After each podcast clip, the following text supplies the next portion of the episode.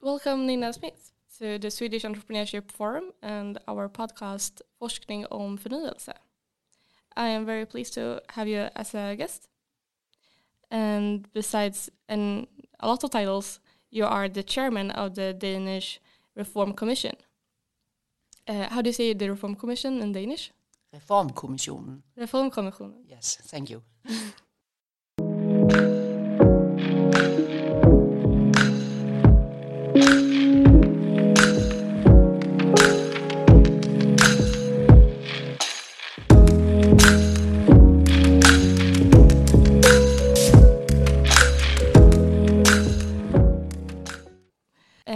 so long ago, our own government here in Sweden initiated a productivity commission for Sweden uh, due to our very low productivity uh, and nonetheless the negative prospect of our, of our economic growth. Uh, the productivity commis- commission here in Sweden uh, are going to look through every sector of our economy, including the higher education and research. And can you please tell me a little bit about the Reform Commission in Denmark's mandate and the responsibility that co- it covers? Yeah, Denmark has had many reforms during the latest 30 years, which have typically been about shortening the unemployment period, uh, cutting unemployment benefits, and all these things. But uh, the latest years, it has become clear for, for the government and the economists and so on that that we need new types of reforms. And this was actually the background for Reformkommissionen. We got a very broad mandate from the government um, when we started up in 2020. Maybe uh, I'm not always sure that the government were exactly clear what they wanted us to do, but but uh, therefore we defined ourselves five areas that we would focus on, and education is one of the very important uh, areas, both higher education and even from preschool, compulsory school, vocational training, and all that. We have been through all these things. And why you told me a little bit uh, about the why there. Uh, the you talked about low, uh, on a, like high unemployment uh, numbers, or were there were they low from the beginning, and the Danish government wanted them to become even lower, or was there an issue with unemployment? We don't have an issue with formal unemployment. The unemployment rate is very low in Denmark. It's, uh, I think, historically low. It's about two to three percent. Also, the structural unemployment. Um, but we have uh, many, I would argue, many mismatched problems with our education system. We have a lot of young people who don't pass compulsory school. That's a strange thing that you don't c- pass compulsory school. And we have a quite big group of, of young people who, who don't complete an education and they don't get a job. So that's some of the problems. And at higher education, we we have a large increase in uh, students in humanities and social science. We have difficulties in getting STEM students, um, and and I would argue that there is a potential for improvements here because. Uh, Maybe we should have more lo- lifelong learning instead of investing everything in the youth years as we do. Um, the the students really want to go to university. First, they take high school and then university, but it's very difficult to recruit um, students, good students, for instance, for the teachers' education, for nurses and and uh, preschool teachers and social workers and so on. And we have a really, really um, large demand for these groups. We can't uh, keep them there while while, for instance, uh, unemployment rates in humanities coming from university is quite high. So, in that sense, uh, my view is that uh, there are many things to think about in our education system and, and room for improvement. And it also sounds like the Danish government uh, were keen to make it uh, proactive. Uh, if the unemployment numbers are low now, but perhaps they will uh, they will um skyrocket in the future if the mismatch on the uh, Yeah. in the higher education. Yeah, maybe, but but here the big problem is that many of the young people who don't end up with an education actually end up having serious social problems. So they may even not show up in the unemployment Okay. figures, but they may be on different other programs where they are not eligible for, for uh, available for the labor market. Sort of proactive in that way. yes, yeah. Uh, would you say that the there is an issue within the university of its own wh- what it's supposed to be? If it's supposed to be uh, satisfying the labor market, or if it uh, should hand on this uh, philosophical, more romantic way of being a university? Because when I read through the report, this was what, some, something I thought about. Uh, you have lots of reforms that we don't go, in, go into, uh, but I want to take, uh, bring that up in the beginning. Uh, what's the role of the universities? Yeah. The, I mean, the society has changed a lot the latest uh, decades, and universities uh, have not really changed their structure. Uh, people at universities would say that's not correct, but but we still have universities as if uh, the university is an elite university. I don't really like the term mass university and elite university, but, but that's actually how it is. Uh, and 30 years ago, 11% of a youth cohort completed a master degree from university. Today, it's close to 30%, and it's clearly increasing. Um, then we have university colleges in Denmark. They have not grown to far the same extent, but uh, but now in total it's 62% who complete of a youth cohort who complete an education from either a university college or a university, and half of them is uh, from the university, research based, and it's it's almost uh, for all um, studies is a three plus two model, uh, the Bologna model, where you first have a bachelor and then you have a master within the same arrow, even within the same narrow ar- area. And the good question is is this rational way of using taxpayers' money uh, to to spend really a lot of human capital investment when you're young in very specialized educations? Um, I'm very much in favor of educations, higher educations, and research and all this because that's ma- what makes a country rich. As an economist, I would say that. But the problem for Denmark, I would say, is that, that our educations are quite inflexible. We have very few people who change the subject, and it's very difficult to do that. Um, for instance, have a humanity bachelor in a bachelor in humanities, and then you go to a master in another area. That's not how the system works.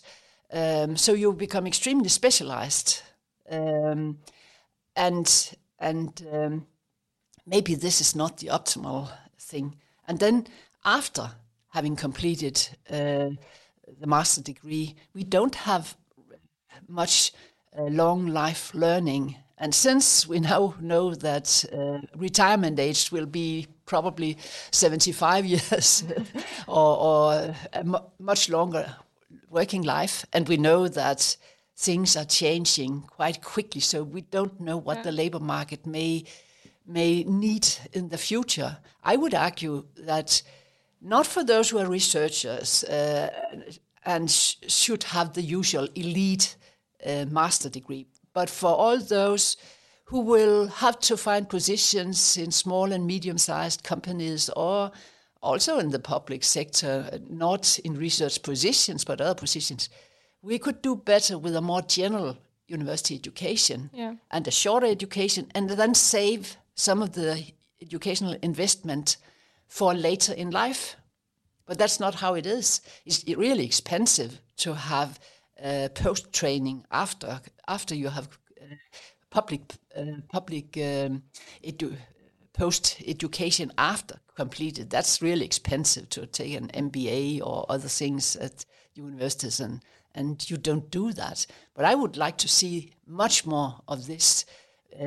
Uh, when you are 40 years old or 50 years old, so you may be able to change uh, your career to another field or what, what might be relevant in 20 years. Someone who completed a five-year IT education uh, certified 40 years ago, perhaps uh, is not on on the top today with uh, totally assured today with the, the development that develops so quickly. Yeah. So perhaps yeah. lifelong uh, uh, is that that person would study four years and then one year in 20 years. Yes, yes, uh, exactly. And then there is the problem about humanities. It's very popular among the students. And I would argue that it is quite important for a country like Denmark, a small open economy, to have have uh, many uh, highly educated people in humanities. But the problem is that the education is not really fit for for getting jobs in uh, in private companies.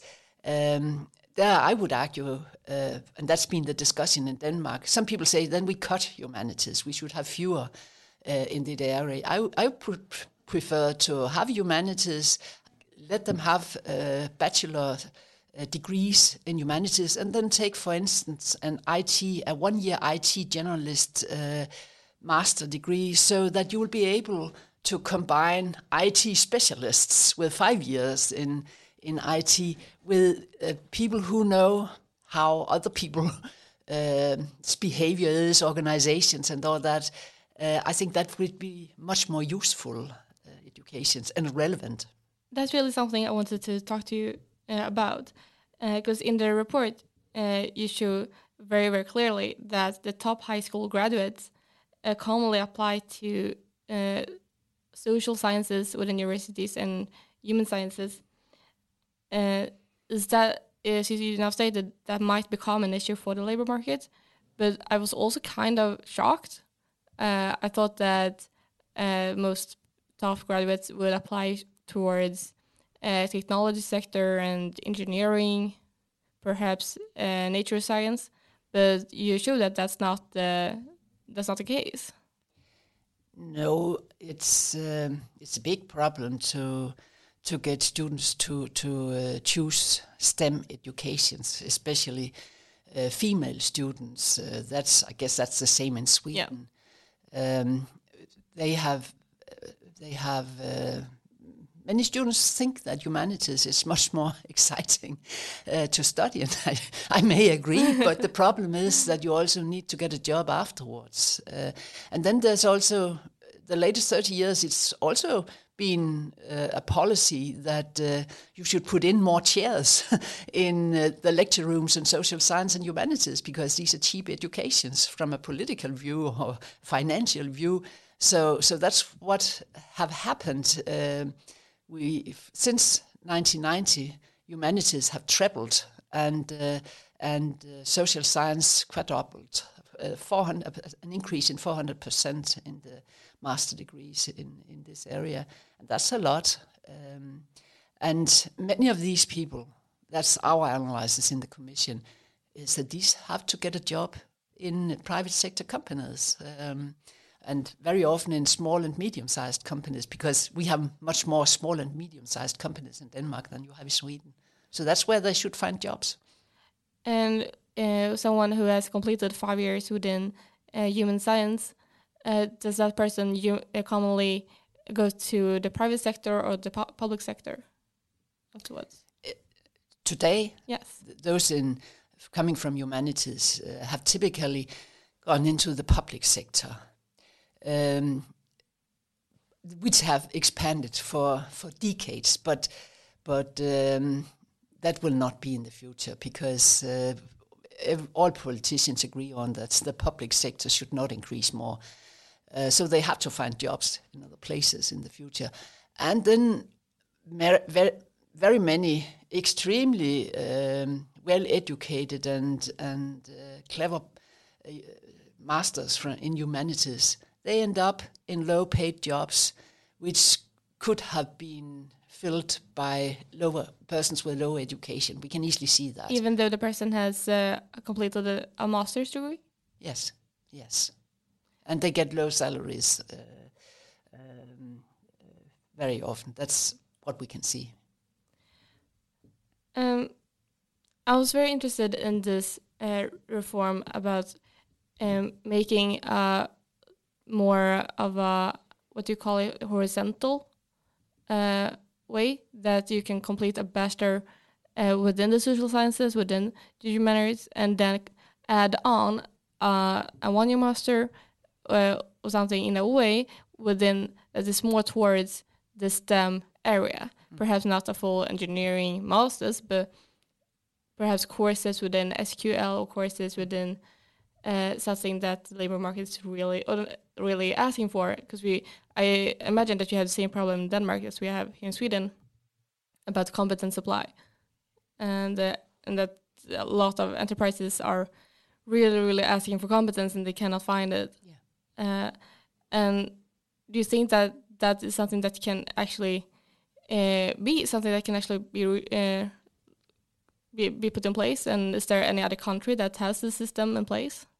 Our model is quite uh, much the same as the Anglo-Saxon model, the US okay. model, where you very often have a bachelor in one area and then you change and get a master in another area, which gives much more flexibility. The, the, the big question, of course, is whether this will be attractive for the students and the students will want to choose this. So, so we have a number of, um, of um, proposals uh, trying to address this. But the main thing is that if this shall work, these one year masters shall be very attractive and it shall be new masters. It shall not be just a compressed uh, two year master into a one year master. It shall be designed, for instance, if you take an IT uh, master and you come from humanities, then of course it has to be different from a master uh, where you have been bachelor also in IT. Uh, we can do that. In Denmark, we have an IT university which has actually started up to to to make masters for students coming from other areas. That's typically two-year masters, but but it can be done. But it needs funding and quality, and therefore we also are very uh, clear on in in the Reform Commission that we have to increase funding uh, taxameter, as it's called in Denmark, the amount um, of funding you get for one full year student, that's called a taxameter in Denmark, that it has to be increased considerably in order to increase the quality. Uh, you can say that the ideas in Reform Commission is very much that higher education is about quality, not just quantity. That's very interesting. Uh, uh, when I read through the the, the report, I saw I was very glad and very happy, and I can I can really see it be put in place in order to, like in the view of the enterprises. I think a lot of enterprises today are asking for uh, for competence and not usually a degree. But I'm not sure if that's the if it's that's completely. I'm sure there are still a lot of big companies, older companies, uh, and, and as you said, a lot of students might be scared if they do not have a de degree in something; they mm. just have competence mm. in something. Mm. Uh, how how close do the universities work with the enterprises and the uh, private sector? Are they collaborating?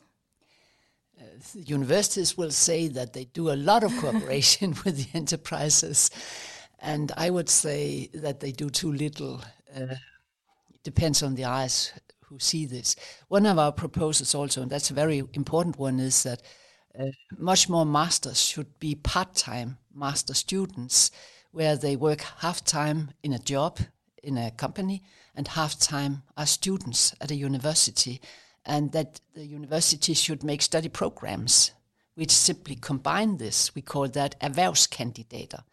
Uh, you have a normal job, so you earn money, uh, you may write your master thesis uh, in about this company, somehow problems that you face in the company. You write a master thesis uh, on on this topic, combining theory with practice. That's our idea, and we we, we have that scheme today. Uh, but the universities do not really like it, so it's only 2%. And the students neither, because it's not well functioning. It's only 2% of all master students who take this erhvervskandidat. Okay. But we want them to, to really expand this program. And uh, that's also why we also say it should be much, much better funded to give it economic incentives both for universities, but also the quality so that the students will find it attractive. And these one year's masters that uh, are giving more competence in different uh, specific areas. It, sounds like there are going to be a lot of different tracks. There's going to be a bigger pluralism within the master, or do or do you think they can be generalized also?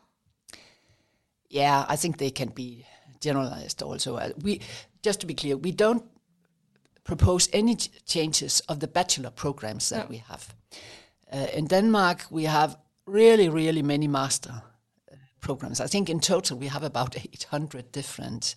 And of course, that's the problem. In my opinion, we should have much fewer. So now you can say, now you come with new things. Um, but, but, um, and that's an issue. But, but for instance, if you have an IT master degree, then it shall be broad enough to take social science and humanity students into that. Or if you have a business one year master, which should um, attract uh, students from humanities, then there will only need, need to be one business uh, one year master, I think.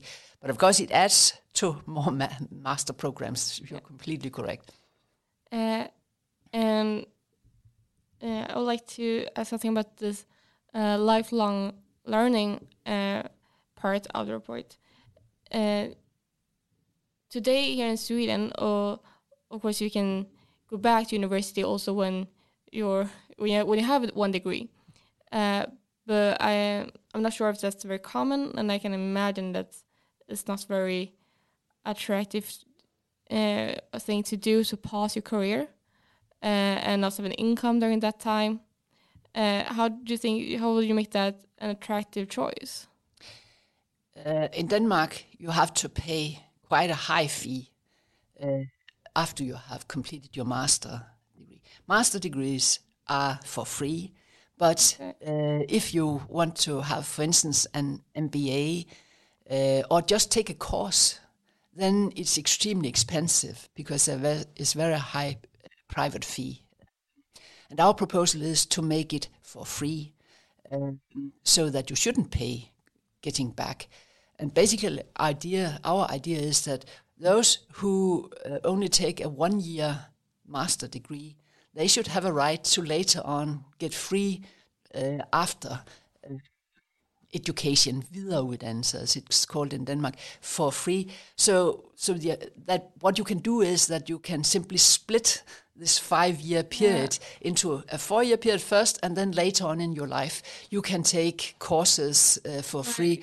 Uh, and that, I mean, you, I don't think that it will be full-time students later on in life. It will be things where you take it part-time in your leisure time, in the weekends or whatever. Uh, but it will not typically be that you take out one new year and start as a student again, because that's difficult when you have a job, course. Uh, then you also have to pay um, salaries during that year or whatever. That's not the idea. The idea is that you take it as extra hours after you have been to work or in the weekends. That's how typically uh, the MBA program works as it is now. But the market for MBA programs is very small in Denmark, and it's not at all um, usual to to have many of these programs. And what we want is to help expanding the market for post training uh, at the universities because we think that's really important. Uh, the report was uh, uh, a lot more Danish than it was Swedish, and it was very uh, precise. Uh, and I was that was very interesting to read through. But I also really wanted to ask how the how the debate has been going on in Denmark and uh, what the response on it has been, both from the political side but also from the private sector. Yeah, the the honest thing is, and that's how it is when when uh, commissions come out with proposals which uh, actually propose to change things. That's not popular. so it's typical a lot of critics, and that's also how it has been uh, from the universities, especially the universities. Uh, both students and uh, and professors and rectors, they have been extremely um, negative and that's how it is. I would say academia is quite conservative. Uh, I've been there for 40 yeah. years myself, so I know it from inside. I'm also been pro vice chancellor for a period, so I know how rectors are thinking. um, so I think that's how it is. Um, the the organizations, the, the Employers Confederation and Dansk Industri, Dansk Erhverv, and these uh, employers organization, they have been a bit reluctant and uh, and careful in what they have been saying, and the politicians.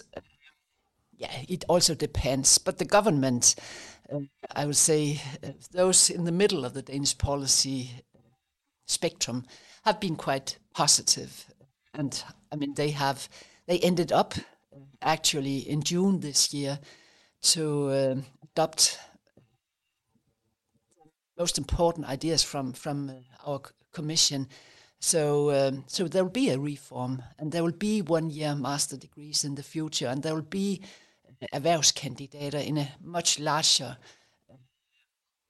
much more uh, erhvervskandidater in the future. That has been decided by the parliament. Uh, that's very, very, very interesting and very interesting to follow. And